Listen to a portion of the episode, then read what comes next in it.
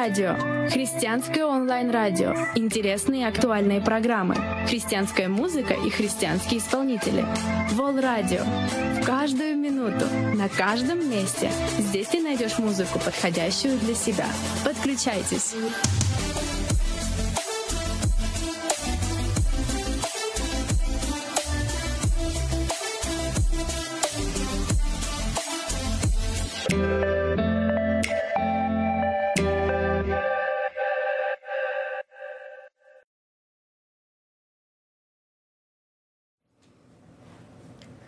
Ողջույն բոլորին։ Շատ ուրախ ենք, որ միացել եք մեզ։ Դուք դիտում եք Vol Radio-ի Facebook-յան ուղիղ եթերը, եւ այսօր մեր տաղավարում է գտնվում Երևանի կյանքի խոսք ավետարանական եկեղեցու երկրորդ հովիվ Արմեն Լուսյանը։ Բարև ձեզ։ Բարև Աննա, եւ ես նույնպես ողջունում եմ բոլոր մեզ դիտողներին եւ մտածում եմ, որ այսօր մենք հետաքրքիր զրույց կունենանք։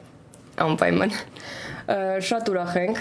Այսօր մենք խոսելու ենք մարգարեություն թե գուշակություն թեմայի շուրջ։ Իդեպ ասեմ, եթե դուք ունենաք ընթացքում հարցեր, դուք կարող եք ձեր հարցերը թողնել մեկնաբանություններում եւ մենք սիրով կպատասխանենք դրանց։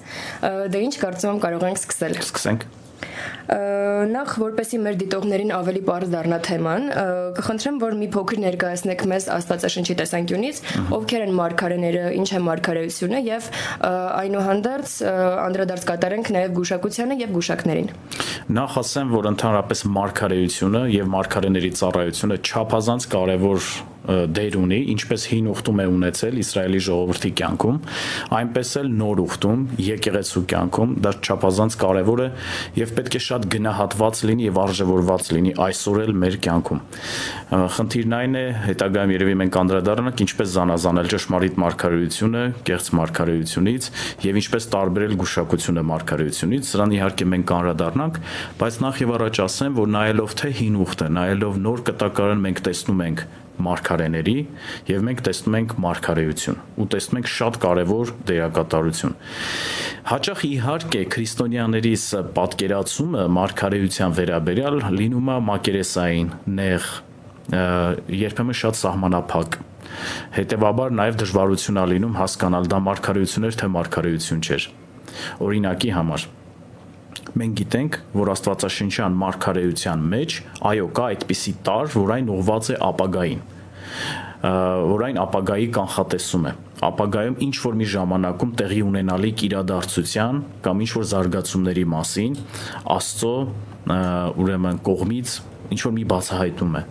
Այո, այդպիսի տար կա մարգարեության մեջ, բայց մենք պետք է հասկանանք, որ չի կարելի մարգարեությունը նեղացնել, սահմանափակել եւ հանգեցնել միայն ժամանակագրական ինչ որ հարցի ապագայի ուղված։ Լինում է նաև այսպիսի մոտեցում։ Իհարկե, մարգարեության մեջ մենք կարող ենք հանդիպել, կարող այդպիսի տար լինել հանդիմանության, զգուշացման, խրատի, բայց նաև պետք է հասկանանք, որ եթե Աստծուց եկած խոսքի մեջ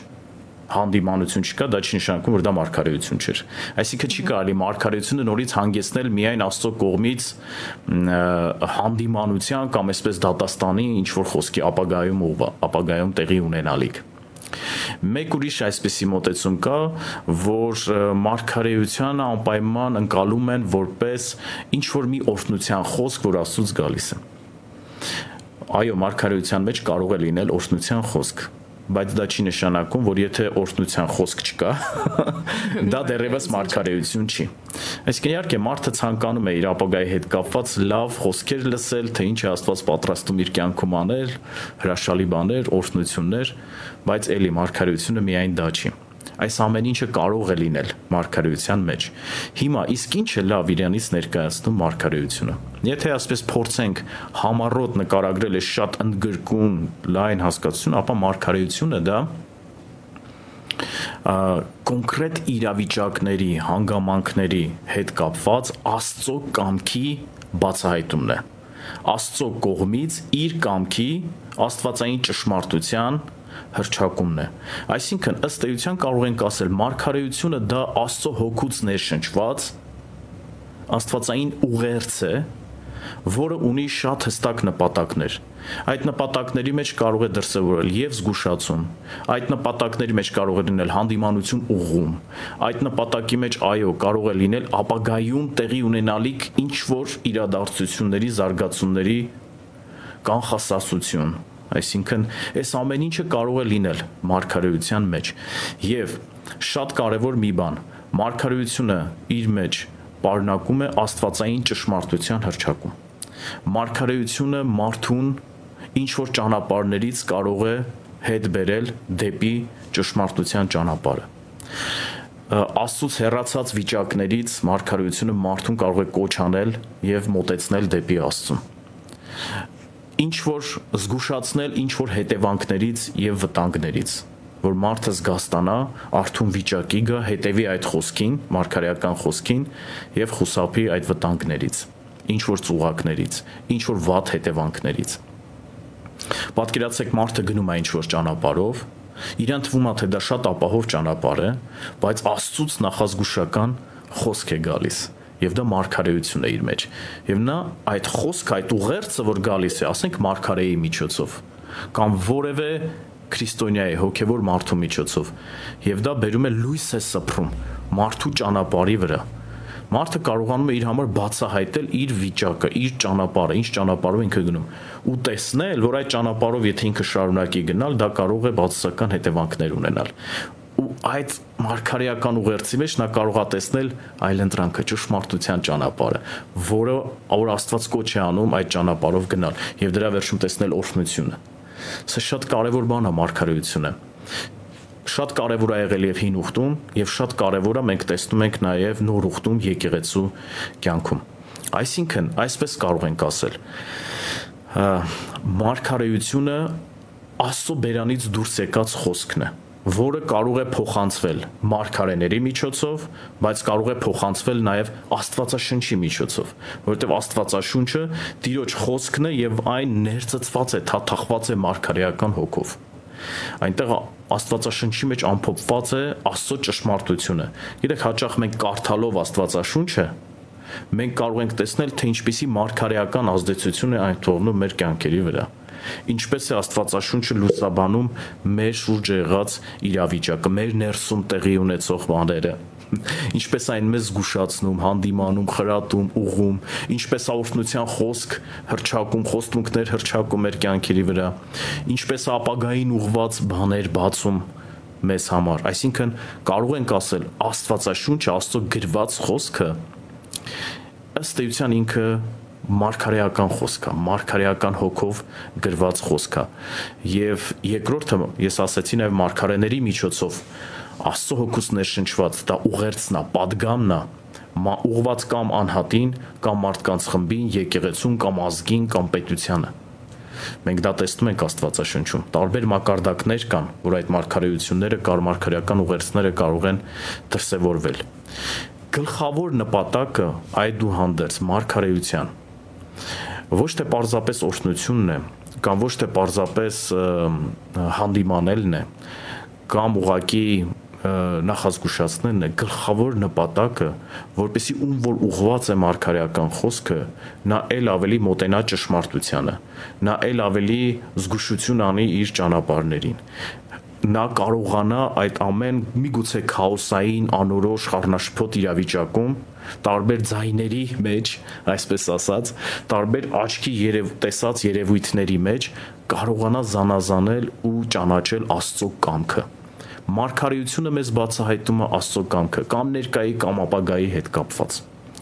Եվ մեզ իրականում արդյունքը մարգարեության արդյունքը դա միշտ լինում է շինություն, սփոփանք կամ մխիթարություն։ Պողոս Արաքյալն է այդպես արտահայտվում առաջին Կորինթացի 14-րդ գլխում ասում է ինչ է անում մարգարեությունը մարգարեացողը ում համար որ մարգարեանում է նրա կյանքում բերում է շինություն սփոփանք եւ մխիթարություն այսինքն այն մարդիկ որ մտածում են որ միայն պետք է հանդիմանություն լինի աստծուց եկած այդ ուղերձի մեջ որ դա համարվի մարգարեություն դա այդպես չի կամ միայն օրհնության խոսք պետքա հրճակվի դրա մեջ որ դա համարվի մարգարեություն դա այդպես չի դա կարող է լինել կարող է չլինել դրանով չի որոշվում դա մարգարեություն էր թե ոչ որոշվում է սրանով որոշվում է սրանով ինչ արդյունքա դա թողնում մարդու կյանքում Արդյոք դա նրան հեռացնում է չար ճանապարհներից եւ մոտեցնում Աստծո ճանապարհներին։ արդյոք նրա կյանքում բերում է մի զգուշացում, որ կարող էր ինքը ծուղակի մեջ ընկնել, բացասական հետևանքներ ունենալ իր կյանքում, բայց հիմա ինքը դրանից հետո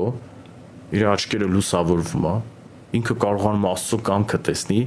ու իր ճանապարհները փոխի, շտկի, ուղում բերի ես այսպես կնկարագրեի մարգարեությունը աստվածաշնչյան ընկալումը մարգարեության իհարկե մենք կարող ենք դեռ փագագծերը շատ բացել ավելի մի քիչ ավելի խորությամբ ու կոնկրետ օրինակներով հասկանալ դա Ես մի բան էլ ասեմ, Աննա ջան, մարգարե մարգարեությունները ես ասեցի դրսևորվում են ոչ միայն մարգարեների միջոցով, բնականաբար մարգարեն են մարդն, ով Աստծո ծոցվածա, կանչվածա, մարգարեական падգամ ուղերձ փոխանցելու բայց մարգարեությունը կարող է դրսևորվել, ինչպես ասացի, Աստվածաշնչի միջոցով խոսքը կարդալով եւ կարող է դրսևորվել նաեւ տեսիլքի եւ նաեւ երազի միջոցով։ Դրանք նույնպես միջոցներ են, որոնցով որ մարգարեական խոսք ուղերձ կարող է փոխանցվել մարդու։ Կարող են լինել նաեւ մարգարեական երազներ։ Այո, կարող են լինել մարգարեական երազներ, կարող են լինել մարգարեական աղոթքներ, Իսկ ինչպես օրինակ հասկանալ տվյալ երազը կամ աղոթքը մարգարեական է թե ոչ։ Ընդհանրապես ոչ միայն երազը, նույնիսկ մարգարեական ուղերձը, երբ որ գալիս է, կան չափանիշներ, միջոցներ, որով որ քրիստոնյան ինքը պետքա կարողանա ամեն դեպքում դրա միջոցով էլ ֆիլտրի միջոցով անցկացնելով հասկանա իսկապես դա մարգարեություն է իսկապես դա աստծուց եկած մի բան է թե ուղղակի մարդու սրտի ցանկությունն է բարի կամեցողությունն է մարդու կամ հակառակը պարզապես մարդը ուզում է այսպես ասած կոտրի ինչ որ մեկին եւ այդ խոսքերը փաթեթավորում է մարգարեության ձևով աստծուց եկած խոսքի ձևով հա այսինքն մոտիվացիաները շատ կարեւոր է այդ մարդը որ դա ներկայացնում որպես մարգարեություն ինչից ելնելով է դա դա անում մոտիվացիան որն է ընդհանրապես ասեմ մարգարեական խոսքը մարգարեանալը շատ երկյուղալի մի բան է Դա շատ մեծ պատասխանատվություն է հին ուխտում մենք կարող ենք տեսնել նույնիսկ մարգարեներին, երբ որ Աստված կանչում էր, ոչ մի մարգարե ինքը իրան առաջ չի բերել եւ ասել ես մարգարե եմ։ Չենք տեսնում, որ մեկը Աստծուց խնդրած լինի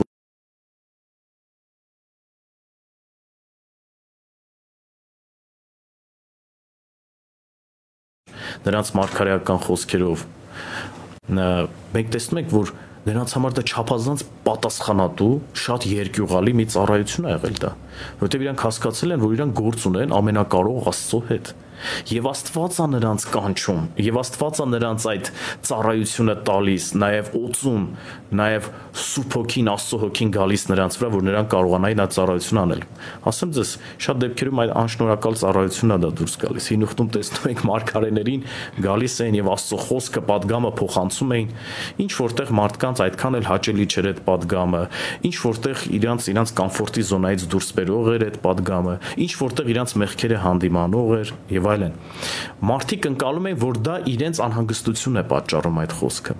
Բայց եթե մարդը խոնարհվեր եւ Աստծո այդ մարգարեական падգամ ուղերձը լսեր ու հնազանդվեր,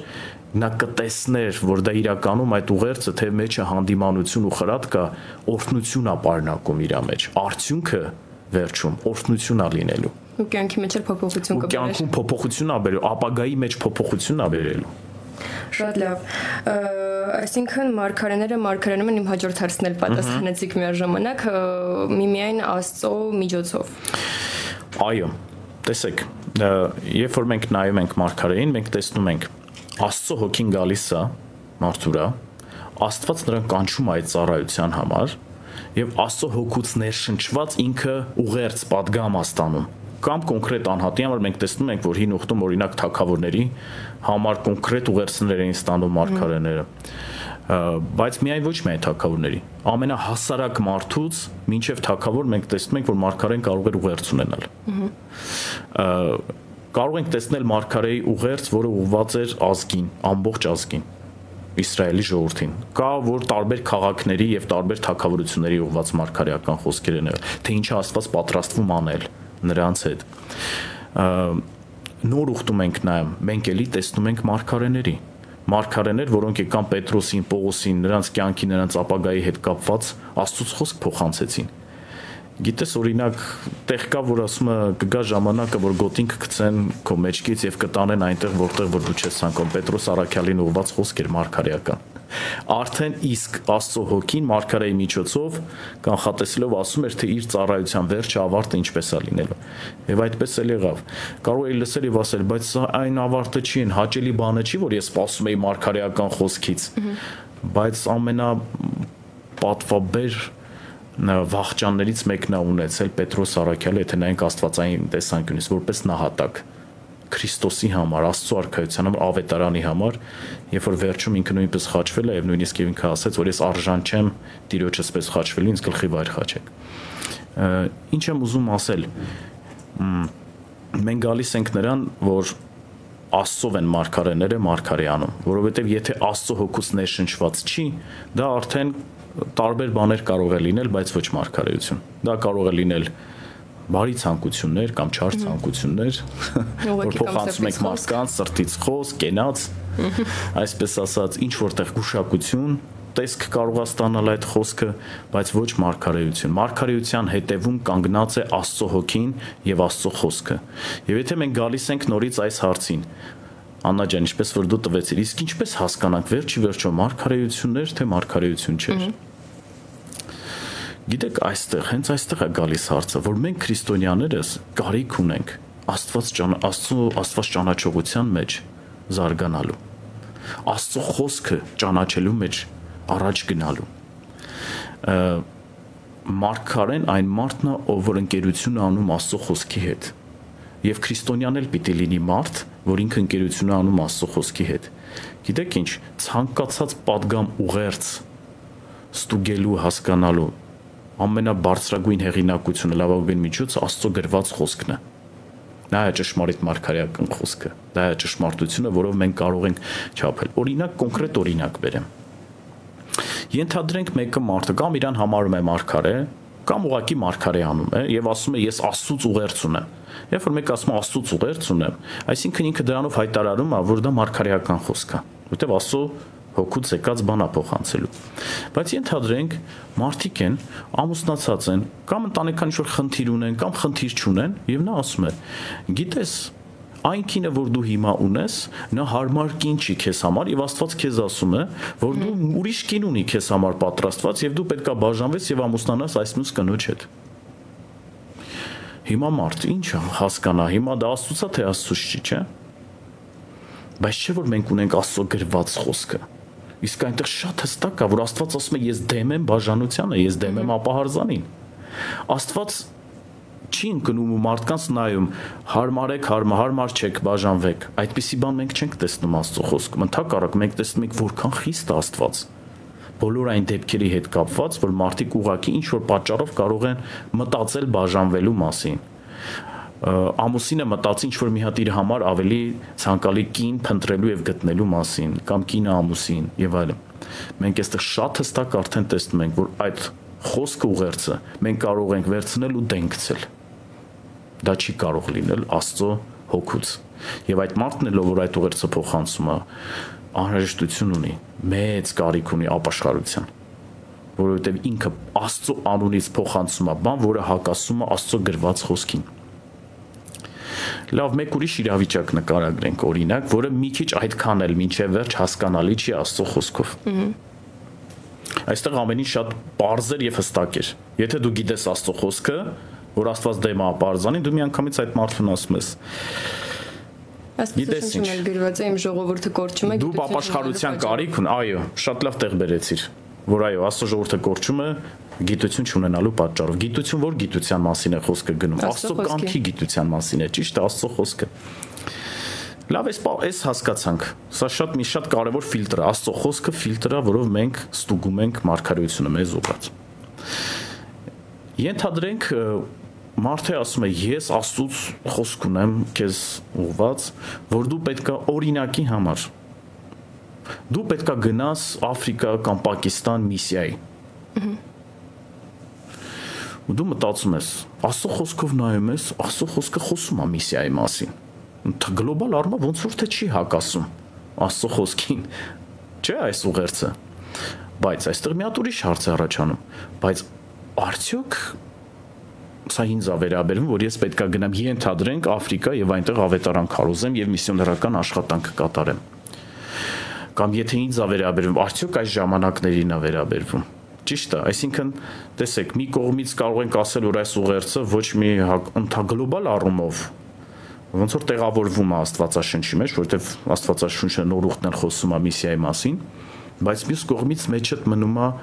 անորոշություն մի վերջը դու կարիք ունես չէ հաստատում ստանալու ի վերջո դա այ այստեղ է գալիս որ հաճախ Աստված երբ որ որևէ մեկի միջոցով մեզ ուղերձ է տալիս մի մասը հասկանալի է մի մասը ոչ մենք մեր ներսում ունենք Սուրբ Հոգուն ու միջոցով նույնպես մեր ներսում գալիս է կամ հաստատություն կամ մերժում Օրինակ, կամ մարդը կարող է, բայց դու ներսում զգում ես, որ սա քեզ չի վերաբերվում։ Դու զգում ես կամ իրոք ներսիցդ Սուրբ ոգին հաստատություն է տալիս, որ սա քո համար է, ականջտիր այս ուղերձին։ Եվս սա սա նույնպես շատ կարևոր է։ Այսինքն Աստծո հոգու հետ մտերմությունը մեր ներսից վկայություն է տալիս։ Կամ այո, կամ ոչ։ Դրանում նույնպես մենք պետքա վարժված լինենք։ Սա Աստվածապաշտություն է, Աննա ջան գիտեք ամեն ինչ չի որ սինիի վրա այսպես մեզ մատուցվելու է եւ մենք դա վերցնելու ենք երբ որ մանուկ ենք տիրոջ մեջ մեզ շատ բաներ այդպես կմատուցվի բայց մեծ լուրջ կարևոր հարցեր կան, որ մենք պետք է աճենք Աստված ճանաչողության մեջ, Աստվածապաշտության մեջ, Աստծո խոսքը իմանալու մեջ, Սուրբ Հոգու հետ մտերմության մեջ, որ ներսում էլ այդ վկայությունը ստանանք։ Մեկ ուրիշ բան, երբ որ անորոշ ինչ որ բան ամնում ուղերձի մեջ, քրիստոնյան ինչ կարող է անել, նա կարող է Աստծուց խնդրել եւս մեկ հաստատություն։ Ու ասեմ դες, որ Աստված իրականում, եթե դա Աստծուց է, Աստված հաստատություն տալիս է կարող է մեկ ուրիշ մարդու միջոցով, որ ընդհանրապես տեղյակ չի, ոչ ոչ այդ իրավիճակից, ոչ այդ ծառայողներից մեկի ասած այդ խոսքից, ուղերձից, մեկը դու տեսնում ես քեզանից անտեղյակ, բայց զրույցի ընթացքում քեզ բան ասում, որ լիովին ոնց որ հաստատություն լինի։ Դու հասկանում ես, որ այստեղ Աստծո հոգին է։ Երկու իրարից տարբեր մարդիկ, իրարից անտեղյակ, բայց հաստատություն է գալիս, որ իրանք նույն բանի մասին են խոսում իմ կյանքում օրինակ այդպես եղել է եւ շատերը մեր հերոստատիտողներից օրինակ ովքեր հոգեվոր կյանքի փորձառություն ունեն կարող են վկայություն տալ որ իրանց կյանքում էլ է այդպես պատահել օրինակ խոսք է եկել մեկը խոսելը ոնց որ մարգարեական ուղերձ ու իրանց ներսից կամ հաստատություն են ստացել կամ հետո խնդրել են որ երկրորդ եւս մեկ հաստատություն հաստատումը լինի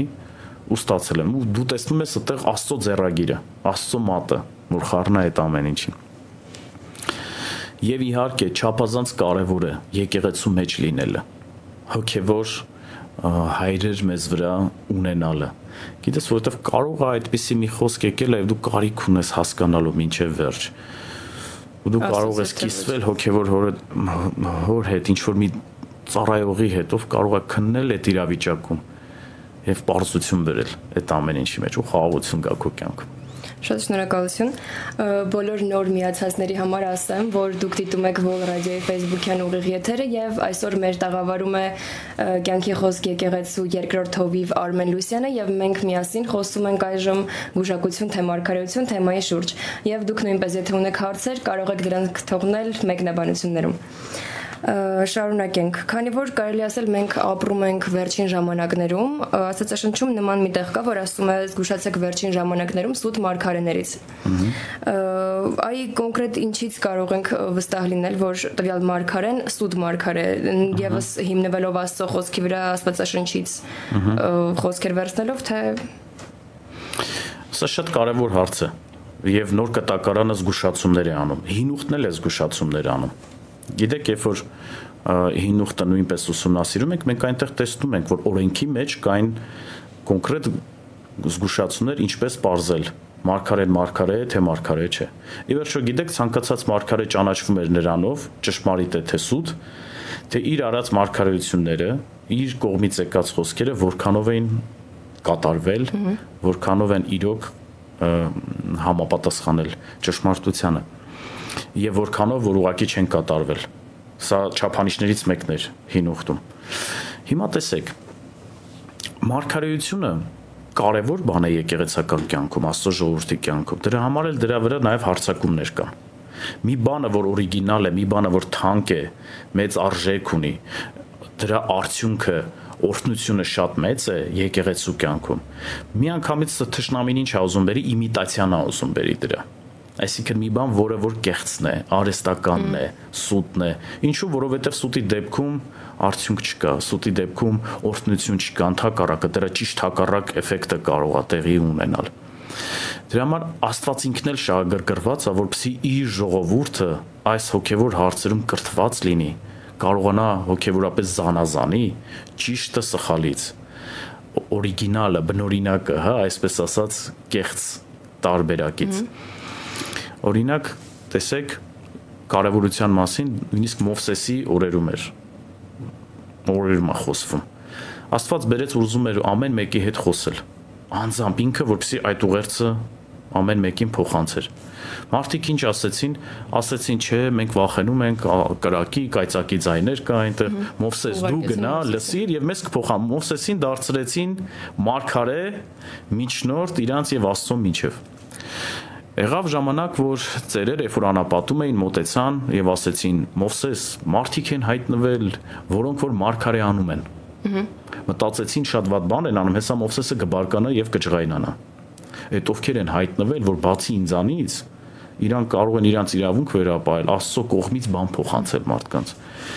Բայց նրանք շատ զարմացան, որովհետեւ Մովսեսը չբարկացավ, ասեց ես շատ ուրախ կլինեի, եթե ամեն մեկը մարգարեացող լիներ եթե ամեն մեկը Աստծո հետ հարաբերություն ունենար, որ կարողանար իր հոգուց վերցներ ու փոխանցեր ինչ որ մեկին։ Ու այդ ժամանակ եթե քաոս էր, կգար կարգ ու կանոն։ Եթե ինչ որ միտեղ կա վտանգ, այդտեղ կգար ճիշտ զգուշացում։ Այսինքն մարգարեությունը ինչ որտեղ նաև Աստծո հետ մտերիմ հարաբերության ցուցանիշ է։ Մենք չենք կարող պատկերացնել մարգարեն մեկը, որ Աստծո հետ հարաբերություն չունի այն մարդն էլ ով որ հավակնում է նրան որ Աստծոց խոսք փոխանցի նա նույնպես պետք է Աստծո հետ մտերմություն ունենա այլապես աղբյուրը որտեղ է որտեղից ենք մենք վերցնում եւ ինչ տեղ ունեցավ Մովսեսը ասում էր ամեն մեկը կուզենայի մարգարե լիներ Բայց հարց այսօր մենք էլ կցանկանանք օրինակ ես ինքս էլ հովիվ լինելով եւ ճանաչելով նաեւ մեր ավակ հովվի սիրտը իր մոտեցումը Արթուր Սիմոնյանը գիտեմ որ նա նա նույնպես Մովսեսի պես կասեր կուզենա մեր եկեղեցում բոլորը մարգարեացու եթե մարգարե չլինեն բայց գոնե մարգարեանային սա էլ տարբերություն կա մարգարե եւ ուղակի քրիստոնյա ժամանակ առ ժամանակ կարող է մարգարեանալ մեկ ուրիշի կյանքում Բայց այստեղ հարց է գալիս, մարդիկ կան, որ այնքան են, այսպես ասած, ուզում հանդես գալ Մարգարեի դերում, որ իրանք արդեն իմիտացիա են անում կեղծ բաներ են անում։ Ու ուղակի ուզում են այդ մարգարեի պատիվը ունենան, ընդված լինեն, այդ դերի մեջ լինեն, իրենց ճանաչեն։ Ու այստեղ է որ ճշմարիտ ապարքևը, որը տրված է եկեղեցու շինության համար, սփոփանքի համար, մխիթարության համար, հավատքի մեջ հաստատվելու համար, զորանալու համար, հնարավոր վտանգներից զգուշացած լինելու համար, հա, ապագայի հետ կապված աստծուց ճշմարիտ տիրոջ կամքը հայտնվելու, բացահայտվելու ստանալու համար ու հանկարծ այդ ընթացքում մարդիկ ինչ որ դրթապաճառներից շարժված փորձում են իմիտացիաներ անել։ Այստեղ զուտ իրանց անունը բարձրացնելու համար։ Այսպես ասեմ, Աստծո մարգարեները հեզ եւ խոնար մարդիկ են նրանք երբեք իրանց չեն բարձրացնում եւ ներկայացնում եւ բոլորին ստիպում, որ իրանց ճանաչեն, որ մարգարե, իրանց մարգարեի հեղինակությունը ճանաչեն։ Խոնար մարդը նա ունի խոսք Տիրոջից կփոխանցի քեզ, բայց երբեք չի պարտադրի քեզ, որ դու իրան վերաբերվես ինչպես մարգարեի եւ քեզ այսպես մատ չի թափտա քեզ վրա եւ սպառնա թե ինչ կլինի քեզ հետ եթե իրանից եկած խոսքը դու չընդունես եւ չկատարես Աստծոց եկած մարգարեության մեջ նույնիսկ դա եթե հանդիմանող ու խրատող է, այնքան խաղաղություն կա։ Այնքան խաղաղություն կա։ Դու կարող ես քո ներսում զգալ, որ իրոք Տերը որպես հոգատար հայր հիմա խոսում է քեզ հետ, ուզում է ուղի, ուզում է խրատի, ու դրա վերջը օրհնություն է։ Ու դրա վերջը շինություն է բայց տեսնում ես մարդիկ, որ պարզապես իրանց անձնական ինչ որ բաներից շարժված խոսում են, խոսում են, ինչ որ բաներ են ասում, դու հասկանաս ուղղակի պետքա դնես մի կողմ այդ բանը այս մարդը իրանից ինչ որ բաներ է ասում ոնց էլի մենք եկանք դրան չէ տարբերելու ես արդեն մի քանի բան ասեցի աստծո խոսքը պետքա լավ իմանալ Եթե Աստծո խոսքը լավ ունես, դու միանգամից կարող ես ընդհանուր կոնտեքստից էլ այդ ուղերձի հասկանալ։ Այդտեղ Աստվածածը ճանաչեք ճշմարտությունը ձեզ ազատ։ Ճանաչի ճշմարտությունը եւ նա քեզ սուտ մարգարեություններից ազատ կացակի։ Ճանաչի ճշմարտությունը եւ նա սուտ մարգարի ճանապարհը կփակի քո արջև։ Եվ գիտեք Սուրբ Հոգու 9 պարգևների մեջ խոսվում է նաեւ զանազանության պարգևի մասին Սա նույնպես Սուրբ Հոգուց է։ Մենք պետք է նախանձավոր լինենք հոգևոր պարգևներին այդ ֆում նաև զանազանության պարգևին։ Զանազանության պարգևն է, որ ներսից քեզ դու կարող լսես ու միանգամից հասկանաս։ Ականջ պետքա դնես այս խոսքին, թե ոչ։ Սա բարի ցանկությունն է, իմիտացիա է մարգարեության, թե ռեալ Աստծո հոգուց եկած ուղերձ է, որ պետքա ամեն զգուշությամբ ականջ դնես, վերցնես, կատարես, իմանալով որ մեծ օրհնություն կա դրա հետևում։ Այո, օրինակի համար հնարավոր է առանց Սուրբ Հոգու մկրտության մարգարե անել։ Եթե մենք խոսում ենք Սուրբ Հոգու ես չեմ ուզենա այստեղ մենք հիմա խորանանք, ես վարթապետական նրբությունների մեջ խորանամ տարբեր քրիստոնեական հարամվանությունների մոտեցումներ կան, ինչպես է Սուրբ Հոգու մկրտությունը տեղի ունենում, ոնց է դա դրսևորվում, լեզուներով խոսալով է դրսևորվում, թե պարտադիր լեզուներ խոսալը լինի եւ այլն։ Եթե մենք հիմա չմտնենք այսպես կոնֆեսիոնալ քրիստոնեական եկեղեցական նրբությունների վարթապետական հարցերի մեջ ուղղակի գլոբալ մի սկզբունք վերցնենք անշուշտ Սուրբ Հոգու մկրտությունը չափազանց կարևոր բան է։ Ես օրինակ իմ կյանքը, հոգևոր կյանքը չեմ պատկերացնի, չի պատկերացնի առանց Սուրբ Հոգու մկրտության եւ նաեւ դրա ակնհայտ դրսևորումից մեկը որ լեզուներով խոսալն առանց դրա չի պատկերացնի։ Եվ Սուրբ Հոգու մկրտությունը շատ բան է տալիս մեր կյանքում, բայց եկեք նայենք այսպես. հին կտակարանում մարգարեները Սուրբ Հոգով մկրտված չէին Աստծո հոգին գալիս էր նրանց վրա եւ Աստված կանչում էր, ընտրում էր մարգարե լինելու համար եւ նրանք մարգարեան են եւ դրանք ճշմարիտ մարգարեություններ էին բայց չէ որ մենք գիտենք որ Սուրբ Հոգու մկրտությունը Քրիստոսի խաչելությունից հետո էր երբ որ Սուրբ Հոգին 50-րդ օրը թափվեց հավաքված ժողովրդի վրա աշակերտների վրա այնպես որ մենք կարող ենք ասել որ եթե խոսքը գնում է լեզուներով խոսալու մասին, այսինքն պետքա պարտադիր լեզուներով խոսաս, որ նաև մարգարեության բարքեր դրսևորի, ես կարող եմ ասել, որ ոչ, պարտադիր չի։ Բայց լեզուներով խոսալը չափազանց կարևոր է մարդու անձնական շինության համար եւ երկրորդը նաև լեզուներով խոսալ եւ լեզուները թարգմանելը նույնպես մարգարեությանը հավասարազոր եւ նրան համարժեք մի ծառայություն եւ պարգև է։ Իսկ օրինակ կարող ենք ասել, որ մարգարեությունը ինչ որ չափով նաև Սուրբ Հոգու լեզուների թարգմանություն կարող է լինել։ Այո, իհարկե։ Ես ասացի, որ օրինակ մարգարեությունը կարող է տարբեր դրսևորումներով լինել։ Այն կարող է մարգարեի միջոցով արտահայտվել որպես ուղակի ուղերձ, քեզ հասկանալի ձևով դու դա լսելով հասկանում ես իրավիճակը, հետևությունները ես անում դրանից։ Դա կարող է լինել խոսքը կարդալու միջոցով, դա կարող է երազի, տեսիլքի միջոցով, բայց դա կարող է լինել նաև շատ գերբնական ձևով, որը Սուրբ Հոգու միջոցով է դրսևորվում, այն ինչ որ ինը պարգևների մեջ, Սուրբ Հոգու ինը պարգևների մեջ Պողոս Արաքյալը նշում է որպես լեզուներ եւ օտար լեզուներ եւ լեզուների թարգմանություն։ Ես այստեղ ուզում եմ մի տարբերություն դնել եւ հասկանանք այն ինչ որ հոգեգալստական շարժի մեջ մենք ասում ենք, որ Սուրբ Հոգով մկրտվելու ժամանակ մարդը պարգևաստանում եւ սկսում է օտար լեզուներով խոսել, անհասկանալի երկնային լեզուներով խոսել։ Սա մենք պետք է կարողանանք տարբերել Պողոս Արաքյալի նշած այդ Սուրբ Հոգու 9 պարգևների լեզուներ եւ լեզուների թարգմանությունից։ Այստեղ մի տեղ խոսքը գնում է աղոթքի մասին, երբ որ մենք լեզուներով աղոթում ենք եւ մեր անձնական շինության համար, մենք կարող ենք չհասկանալ նույնիսկ այդ լեզուներով ինչ է ասվում բայց միևնույնն է ասում է մեր հոգին խորուրդներ է խոսում Աստծո հետ եւ դա մեր անձի շինության համար է բայց կա լեզուներով սուրբ հոգոտար լեզվով տրվող падգամ ուղերձ որը դա ուղված է ինչ որ մի անձի եկեղեցու եւ այստեղ անպայման պետքա լինի լեզուների թարգմանության ապարքևը կամ նույն անձի միջոցով դրսևորվի, կամ այդտեղ ներկա մեկ ուրիշ անձ, ով այդ ապարքևը դրսևորում է եւ հասկանում է, թե ինչ է այդ ուղերձի էությունը եւ մայրենի հասկանալի լեզվով փոխանցում է այդ падգամի իմաց այդ ժամանակ շինություն է գալիս դու հասկանում ես եւ դա հավասարազորը լինում մարգարեության այ օրինակ որ ասում եք հավասարազորը լինում մարգարեությանը առաջին կորինթացիս 14-րդ գլխում մի հատված կա երբ որ Պողոսը մեջբերում է անում այ կարող ենք այդ հատվածից ինչ որ եզրակացություն անել որ մարգարեությունը ավելի բարձր բարգև է կամ ավելի մեծ բարգև է քան Սուրբ Հոգու լեզուներով խոսելը Գիտեք, ընդհանրապես երբ որ մենք խոսում ենք պարգևների մասին, մենք չպետք է դասակարգենք պարգևները։ Բոլոր պարգևներն էլ եկեղեցու շինության համար են տրված ու ամեն մեկը իր նշանակությունն ունի, իր տեղն ունի, իր օգտագործելու պահն ունի, ժամանակն ունի։ Եվ եթե որ մենք բաց ենք լինում այդ պարգևների ներգործության համար, իրոք Քրիստոսի եկեղեցին շինություն է ստանում։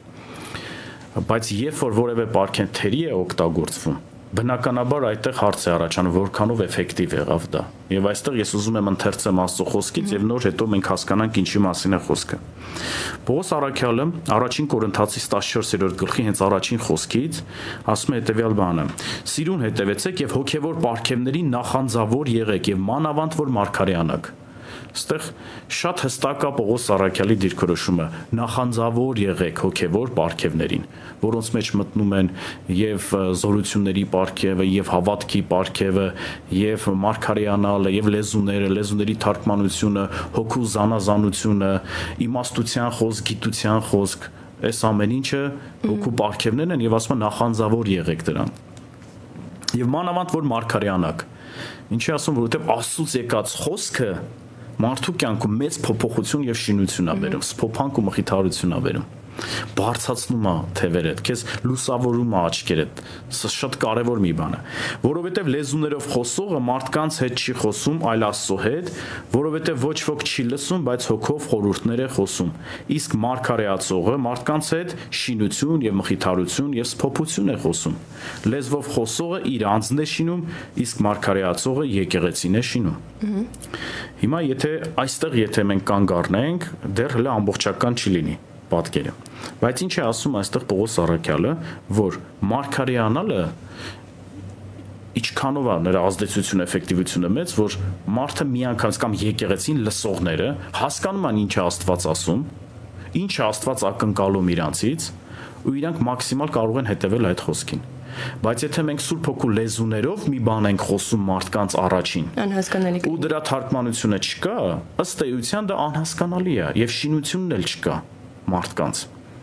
Իսկ եթե մարդը ուղակի ինքն իր համար է աղոթում լեզուներով, այստեղ էլ էլի եկեղեցուն չի ուղված։ Սա ուղված է զուտ իր անձնական հոգևոր կյանքի շինությանը։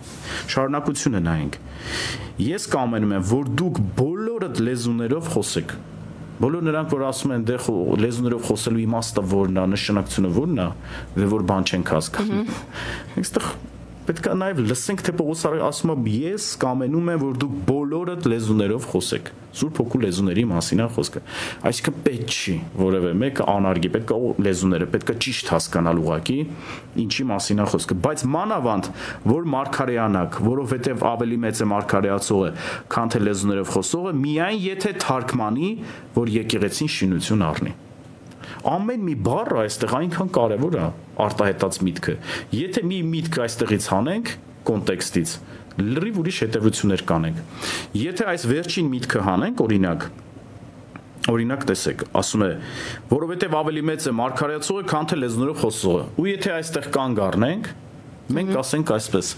մարգարեանալը ավելի բարձր բան է, քան լեզուներով խոսալը։ Այդքան մի տարվեք լեզուներով խոսալով, փորձեք նախանձավոր եղեք, որ մարգարեանաք։ Այս հետևությունը կարանք անենք։ Բայց ինչի չենք ուզում շարունակություններ նայել։ Նույն Պողոս Արաքյալն է ասում։ Ասում է՝ միայն եթե թարգմանի, որ եկեղեցին շինություն առնի։ Այդ ժամանակ լեզներով խոսելը, ու երբ որ դու թարգմանում ես, ինչա դա դա նույն մարգարեանալն է դառնում այստեղ արդեն մեծ, ցածր, բարձր, փոքր, այսպեսի հարցեր չեն։ Իհարկե, եւ պարքեմները ուղղակի պետք է հասկանանք, որ մարգարեական լեզուներով ուղերձը Սուրբ Օգու լեզուներով ինքը գործում է թարգմանության պարքևի հետ միասին։ Եթե չի գործելու թարգմանության պարքևի հետ միասին, բնականաբար ինքը իր նպատակին չի ծառայում Այդպես է թե ոչ։ Եթե չի ծառայում, նշանակում է էֆեկտիվ չի եղել այդ պարգևը։ Բայց եթե լեզուների թարգմանության պարգևի հետ միասին է գործել, դա նույն մարգարեությունն է, Աստծուց եկած ուղերձն է։ Շատ լավ, շնորհակալություն։ Դուք դիտում եք Vol Radio-ի Facebook-յան ուղիղ եթերը եւ ասեմ, որ Vol Radio-ն իր հետագա գործունեությունը ծավալելու նպատակով ունի հենց ձեր կարիքը, եթե կցանկանաք օգնել, դուք կարող եք մեզ աջակցել ֆինանսապես կամ դառնալ մեր հովանավորը։ Իսկ մանրամասների համար կարող եք գրել մեր էջին։ Շնորհակալություն եկեք անդրադարձ կատարենք գուշակներին։ Շատ լավ։ Այ օրինակ հասկացանք, որ մարգարեները խոսքը ստանում են Աստծուց, այն ինչ որ մարգարեանում են։ Իսկ գուշակները ումից են ստանում կամ եթե Աստծուց չեն ստանում, ապա ումից է այդ խոսքը։ Շատ լավ։ Եվ մինչև գուշակ գուշակներին անդրադառնալը մի հարցի վրա էլ շեշտադրում անեմ եւ մենք գանք գուշակներին մարգարեությունը սովորաբար մարդիկ սպասում են, որ որևէ մեկը պետքա կանգնի այսպես ասի, այսպես է ասում Տերը, որ իրանք նոր հասկանան, որ դա մարգարեություն է եւ ուշադիր լինեն։ Իրականում միշտ չի, որ մարգարեական խոսքը ուղերձ Աստծոց որ գալիս է, սկսվում է հենց այդ բառակապակցությամբ, այսպես է ասում Տերը։ Կարող է լինել այդպես, կարող է այդպես չլինել։ Լինում է այո մի տեսակ հանդիսավոր իրավիճակ է լինում, երբ որ մարգարեն վերցնելով այդ պատասխանատվությունը հասկանալով որ տիրոջից հիմա ուղերձ կա մարգարեական բոլորի ուշադրությունը գրավում է որ այսպես է ասում Տերը այսինքն ականջ դրեք այս խոսքին բայց կան նաև մարգարեություն երբ որ օրինակ մենք կարող ենք այսպես նստած սեղանի շուրջ այսպես զրուցել իրար հետ եւ դու ինձ կարող ես ասել Աննա ջան բաներ զրույցի ընթացքում խոսալ նույնիսկ դու կարող ես չմտածես որ դու հիմա մարգարեական բան ես ասում ինձ դու կարող ես ուղղակի ինչ որ մի հարցի վերաբերյալ աստծո կամքը այսպես բացել, խոսել ինչ որ բաներ ու ես նստած ես հասկանում եմ, որ իմ իրավիճակի հետ կապված սա ոնց որ մի հատ մարգարեական խոսք լինի ինձ որովհետև լուսավորում է իմ իրավիճակը, որովհետև ինձ ինչ որ բանով զգուշացնում է, որովհետև ինչ որ ապագային ուղված ինչ որ բան է ինձ ասում, հայտնի դարձնում, աստծո կամքն է բացահայտում ինձ ու դա մարգարեական ազդեցություն է թողնում իմ կյանքի վրա։ Այսինքն պետքա սա էլ հաշվի առնենք, որ կա մարգարեություն, որը դրսևորվում այդպես, ասպես է ասում Աստված, որ մարգարեն հրճակում է, եւ կա նաեւ սովորական զրույցի ընթացքում, նույնիսկ քարոզի ընթացքում քարոզիչը քեզ չի էլ տեսնում, բայց իր խոսքի մեջ քո հետ կապված կարա մարգարեական ուղերձ լինի եւ դու դա վերցնում ես քո կյանքում։ Սա այսպես էլ կարող է լինի։ Բայց գալով հիմա գուշակներին եւ գուշակություններին, այո։ Այո, մարգարեները Աստծուց են վերցնում եւ փոխանցում։ Գուշակներն էլ ունեն իրենց աղբյուրը։ Վերջի վերջը ովքեր են գուշակները։ Գուշակներին ես ընդհանրապես կդասակարգեի երկու մասի, երկու խմբի կբաժանեի։ Գուշակներ, որոնք պարզապես հասկացել են, որ դա եկամտի լավ աղբյուր է այդ ոլորտում լինելը, որովհետև նրանք լավ հասկացել են, որ մարդիկ կարիք ունեն գերբնական ոլորտից ինչ որ մի բան ստանալ իրենց ապագայի կամ ինչ որ հարցի հետ կապ, իրենց բախտի հետ կապված, այսպես ասած, ոնց է իրենց բախտը բացվելու, ինչ է ապագայում իրանց սպասվում ինչ ալ մարդը սա ձգտում է գիտեք մարդու ներքին պահանջմունք է սա ապագայի հետ կապված բաներ իմանալը եւ գիտեք կամ ճարպիկ մարդիկ ընդհանրապես հասարակության մեջ, որոնք հասկանում են, որ սա այն մանիպուլյատիվ ոլորտն է, որտեղ իրանք կարող են այդ մարդկանց այդ պահանջմունքի վրա մանիպուլյացիա անելով գումարներ աշխատել ուղակի բայց իրանք որ իրանց նայես այնպես չի որ իրանք ինչ որ հոգևոր ոլորտի հետ այդպես կապ ունեն պարզապես ճարպիկ են պարզապես ուզեցել են գուշակի անուն հանել մեկը որ ապագան կարողա տեսնի եւ փոխանցի ու տարբեր միջոցներ օգտագործելով դա կլինի խաղակարտեր կամ հատուկ քարտեր դա կլինի ինչ որ ապագան գուշակելու ինչ որ գունդ չգիտեմ եւ այլն հազար ու մի միջոցներ դա կլինի սուրճի բաժակի մրուրը եւ այլն այդպիսի անուն են իրանք անում եւ մարդիկ իրանք դրա դիմաց նվերներ կարան տան գումար կարան տան եւ այլն եւ իրանք այսպես ասած շահավաճառություն է դառնում իրանց համար դա արհեստ են սարքում բայց կան նաև գուշակներ որոնք իրականում գործարքի մեջ են մտնում կարող եմ ասել սատանայի հետ գործարքի մեջ են մտնում դիվային հոգևոր աշխարհի հետ Իսկին գիտակցաբար են մտնում Գիտակցաբար են իրանք հասկանում իրանք հասկանում են որ հոգևոր ոլորտ են մտնում իրանք հասկանում են ով է կանգնած իրանց հետևում ընդ որում իրանք միշտ փորձում են դա ներկայացնել լուսո հրեշտակի պես գիտենք չէ որ սատանան էլ հաճախ պոզով փոչով չի ներկայանալու հո իր ամբողջ տգեղեությամբ էությունը նկատում եմ արտաքին հո այդպես չի ներկայանալու մարդու համար ընկալելի, հաճելի, ճիշտ փաթեթավորված ձևով է ներկան, որ մարդը վստահություն ընծայի, մարդու աչքին այսպես գրավիչ լինի եւ բնականաբար ներկայացնել է որ Աստված է կանգնած իր այս բոլոր գուշակությունների դուրս Աստծուց տրված ապարքև է իրեն ինչ կարող եմ ես անել այդ ապարքևի հետ? Աստված օշտել է ինձ եւ ես էլ այսպես դրսեւորվում եմ բայց իրականում ինքը շատ լավ էլ գիտի որ դա Աստծուց տրված ապարքև չի ինքը լավ գիտի ում հետ ինքը գործ ունի եթե ես լսել եմ վկայություններ ներկայումս արդեն քրիստոնյա ծառայողներ լավ քրիստոնյաներ ովքեր նախկինում ունեցել են այդպիսի պրակտիկա գուշակությունների մեջ են եղել այնպիսի վկայություններ կան իրենք շատ լավ հասկացել են որ դա գերբնական մի բան է որ եկել է իրանց կյանքի մեջ ու լավ հասկացել որ դա դիվային է եւ իրանք գործ ունեն սատանայի հետ դա աստծուց եկած բան չի ու իրանք դա արել են ու իրանք մեծ անուն են նույնիսկ ձեռք բերում մարդիկ էլ քանի որ ցանկանում են ամուսնության հետ կապված հաճախ հարցերով ընտանեկան ինչ որ հարցերով պաշտոնի հետ կապված հարցերով հազար ու մի տեսակի հարցերով մարդիկ ուզում են իմանան ապագայում իրանց ինչա սպասվում եւ իրանք էլ այսպես ասած գրավելով գուշակություններ են անում եւ ինչ որ բաներ են ասում նրանց ապագայի հետ կապված աղբյուրը աստված չի այդ դեպքում գուշակների պարագայում որովհետեւ աստծո խոսքը գուշակության հետ կապված չափազանց հստակ է Աստված խոսում է մարգարեության մասին, որի աղբյուրը ինքն է եւ իր հոգուց մարգարեի միջոցով փոխանցվում է ուղերձը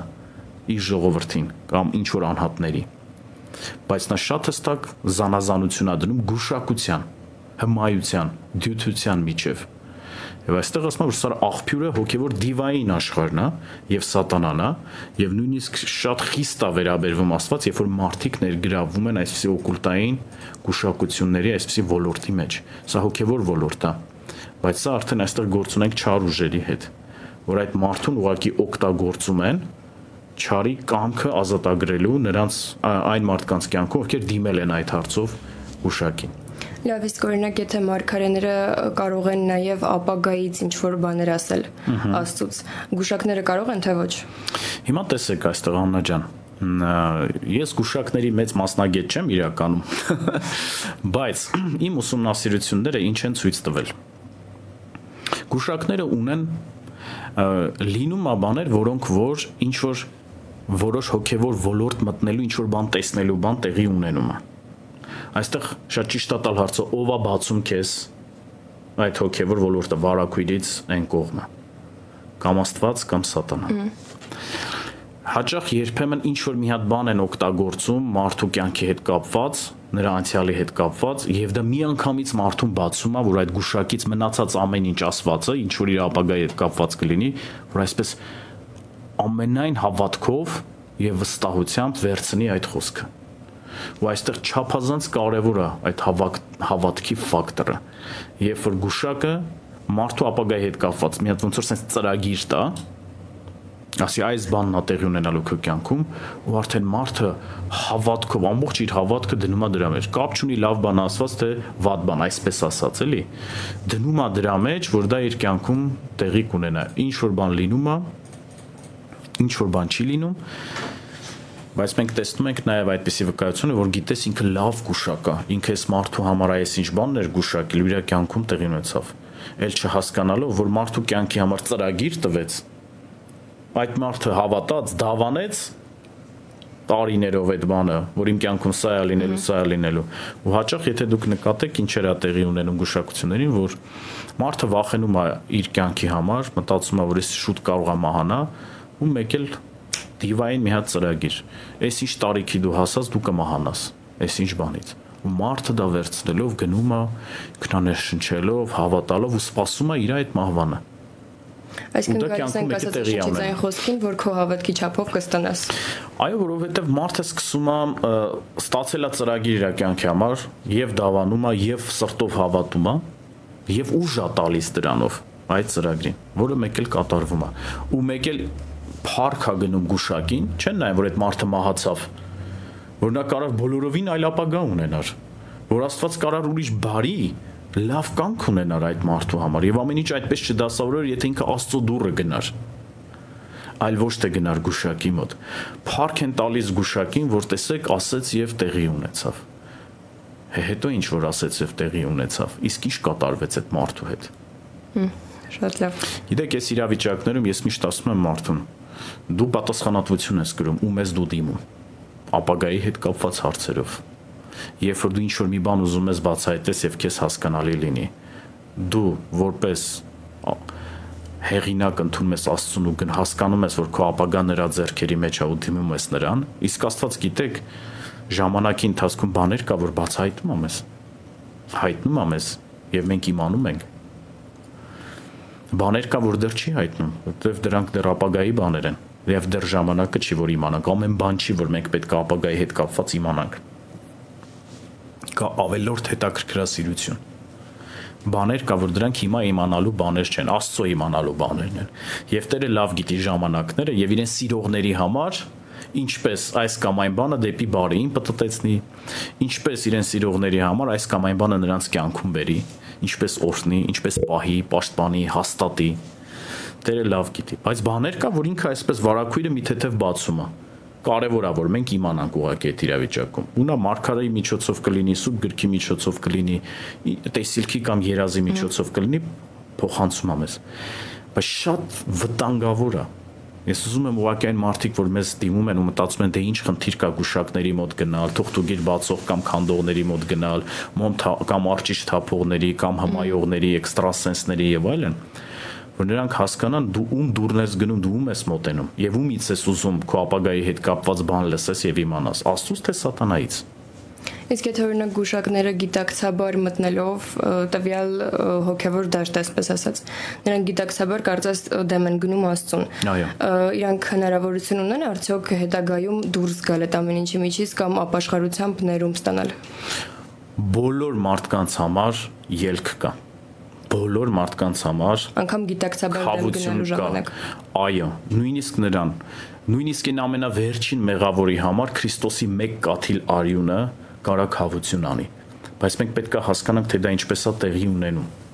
նույնիսկ այն գուշակը որ գործարքի է գնացել սատանայի հետ այդքան տարիներ գուշակություններ ա մարդկանց կյանքի մեջ դիվային ծրագրերը ազատագրել եւ այլն եթե նա չվախենա, իսկ հաճախ նրանք վախենում են սատանայից, որ քայլան, որ քայլ չանեն դեպի Աստծուն, որ հրաժարվեն դրանից։ Հա, իրանք վախի կապանքների մեջ են երբեմն լինում։ Երկրորդ կապանքը դա շահասիրությունն է։ Հասկանում են, որ դա իրանց մեծ եկամուտներ ա բերում։ Վախը սատանայից, որ իրանք հետ դարձի ճանապարհ չունեն, իրանք մնում է միայն ինչև էր սատանային ծառայեն այդպես, եւ երկրորդը շահասիրությունը, որ իրանք համառել են արդեն գումարի եւ մտածում են, ինչ ուրիշ աշխատելու ձևով չեն կարա իրանք վաստակը ունենան իրանք մնում են դրա մեջ, բայց ես ուզում եմ, նույնիսկ եթե հիմա մի հոգի մարդ կա, որ նման պրակտիկայի մեջ է, ու դու լսում ես հիմա, ես ուզում եմ Աստծոց ուղակի հենց հիմա ասել, հենց մարգարեական ուղերձ տալ որ եթե դու չվախենաս դիվային աշխարհից սատանայից, որ եթե դու մի կողմ դնես շահասիրությունը, ու դու ապաշխարես ու դարձի գաս Քրիստոսին, ու Աստծո առաջ ապաշխարություն անես քո մեղքերի համար, նման պրակտիկայի մեջ ներգրաված լինելու համար, սատանայի հետ գործարքի գնացած լինելու համար, ես ասում եմ քեզ, որ Աստծո մոտ կա խավություն եւ ներում քեզ համար։ Քրիստոսի արյունը խաչի վրա թափված մեկ կաթիլ արյունը բավարար կլինի քո մեղքերը քավելու, քեզ ազատ կյանք տալու, իր ընտանիքի մեջ քեզ ընդունելու ու նոր կյանք քեզ ապարգևելու համար։ Իմ ուղերձն է քեզ Աստծուց եկած մի վախեցիր սատանայից եւ քանդիր մի կողմ նետի շահասիրության կապանքները Աստված ուրիշ կյանք ունի քեզ համար։ Եթե չանես, դու մնալու ես քո մեղքերի մեջ, դու մնալու ես կապանքների մեջ եւ իրականում գալու է ժամանակը, որ այլևս էլ սատանան չի լինելու, որ պիտի քո ապագան որոշի, Աստծո առաջ ես կանգնելու այդ ժամանակ ու նա է որոշելու քո հավիտենական ճակատագիրը մեծ պատասխանատվության արժև ես դու հիմա ես ուզում եմ քեզ ասեմ որ դու ընտրես Աստծուն որ դու ընտրես Աստծո ճանապարհը դուրս գաս խավարի մեջից ապաշխարես քուրձ ու մոխիր հակնես իրականում ապաշխարես Աստծո արժև Աստծո Հիսուս Քրիստոսի արյունը կքավի քո մեղքերը եւ նա կընդունի քեզ իր ընտանիքի մեջ։ Այ օրինակի համար գոյություն ունի արդյոք թուղթուգիր ասվածը։ Եվ եթե արդյոք գոյություն ունի, ում վրա կարող է ազդել եւ ինչ ազդեցություն կարող է այն ունենալ։ Գիտեք, թուղթուգիրը կամ որևէ մեկ այլ միջոց, որի միջոցով ենթադրենք գուշակները, էքստրասենսները, հմայողները, դյութություն անողները օգտագործում են այդ միջոցները։ Բոլոր այդ միջոցներն էլ հոգևոր միջոցներ են ուղակի դիվային եւ դրանց միջոցով իրոք ինչ որ բան ազատագրվում մարդկանց կյանքերի մեջ հիմա մենք կարող ենք ասել է դե չեմ հավատում թուղթուգրին է կարող ես ասել չես հավատում բայց այն կա եւ դրանից պաշտպանվելու միակ միջոցը Քրիստոսի արյունն է եւ Աստծո պաշտպանությունն է Աստծուն հուսացածներ նրանք ովքեր Աստծո հետ են քայլում ոչ մի անեծք նրանց վրա չի ազդի որովհետև Աստված մեր պաշտպանն է եւ մեր պահապանն է։ Եթե մարդը դուր չբացի, իր որևէ մեղքով, իր որևէ սխալ բանով, իրականում Աստծո պաշտպանությունը կատարյալ է։ Բայց մարդիկ կան գիտակցաբար գնում են թուղթուգիր անողի մոտ եւ ասում են իմ վրա թուղթուգիր են արել քանդի։ Ու գիտեք ասում են գնացել եմ քանդողի մոտ։ Էլ չեն մտածում այդ քանդողը նույն անողներից մեկն է։ Միտեղ անում է, միտեղ իբր քանդում է, հասկանում եք։ Դրա համար, եթե ասում ենք թուղթուգիրը կա եւ արդյոք դա ազդեցություն ունի, մենք գործ ունենք հոգեվոր աշխարհի հետ։ Դրանք միջոցներ են եւ այո, դրանց միջոցով կարող է անեց կազատագրվել մարդկանց կյանքի մարդիկ իրանց կյանքով ապրում են եւ մեկ էլ իրանց կյանքերում բաներ է տեղի ունենում, փորձանքներ, դժբախտություններ եւ այլն եւ այլն։ Մենք հասկանում ենք, եթե կա Աստված, կա սատանա, չէ՞։ Կա Աստծո հոգեվոր աշխարհը եւ կա սատանայի դիվային աշխարհը եւ այնտեղ էլ նա ամեն բան ուզում անի մարդուն կործանելու համար, դժբախտություն պատճառելու համար։ Եվ այստեղ ոչ թե պետքա գնալ թուղթուգիր քանդողի մոտ, որ թուղթուգիրը քանդվի, պետքա Աստծո մոտ վազել ուղակի։ Աստծո մոտ է պետք վազել, որովհետև Աստծո մոտ է միջոցը ամեն այդպիսի անեծքների, թուղթուգրերի, ամեն այսպիսի դյութությունների, հմայությունների, դրանց իշխանություն եւ ազդեցություն եւ ներգործություն մարդու կյանքի մեջ քանդելու եւ Աստծո օրհնությունը կյանքում ընդունելու համար։ Շատ լավ, շնորհակալություն շատ։ Դե ինչ սիրելիներս, դուք դիտում եք Vol Radio-ի Facebook-յան ուղիղ եթերը։ Մեր տաղավարում էր Հովիվ Արմեն Լուսյանը եւ մենք խոսում էինք միասին գուշակություն, թե մարգարեություն թեմայի շուրջ շատ ուրախ ենք որ նայեցիք մեզ ապրեք աստծո հետ վարժեցրեք ձեր անձեր աստվածապաշտության մեջ եւ թող Տերը օրհնի ձեզ ամեն